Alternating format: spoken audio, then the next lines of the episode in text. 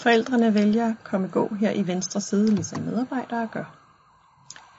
I forældrenes komme gå er der fire faner. Dagens overblik, tider, fravær og henteansvarlige. Hvilke muligheder forældrene har under de forskellige faner vil afhænge af jeres opsætning af komme gå i Aula administrationsmodulet. I det her tilfælde har vi sat Aula op med, at det er muligt at vælge på tur, så som forældre vil jeg kunne se, at lige nu er Camille på tur. Jeg kan også se, hvornår hun er tjekket ind, og eventuelt hvornår hun vil være tjekket ud. Under tider, der er der forskellige muligheder, og det afhænger igen af jeres opsætning af komme gå modulet.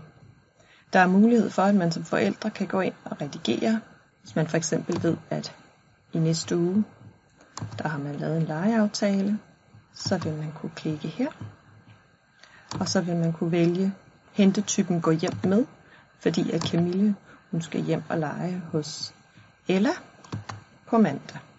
Og vi ved, at de bliver hentet klokken kvart over tre, og der er mulighed for, at forældrene kan skrive en bemærkning, og eventuelt at gentage ugentlig, og så klikker forældrene gennem.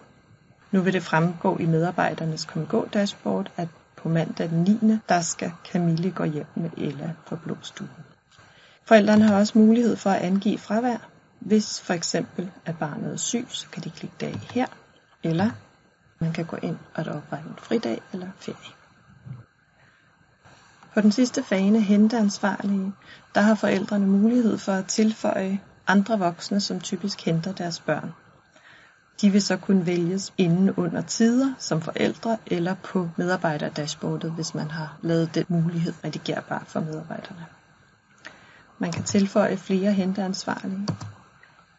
Det kan være, at der er en morfar, der typisk henter Camille, og så gemmer man den. Sådan fungerer komme gå for forældre.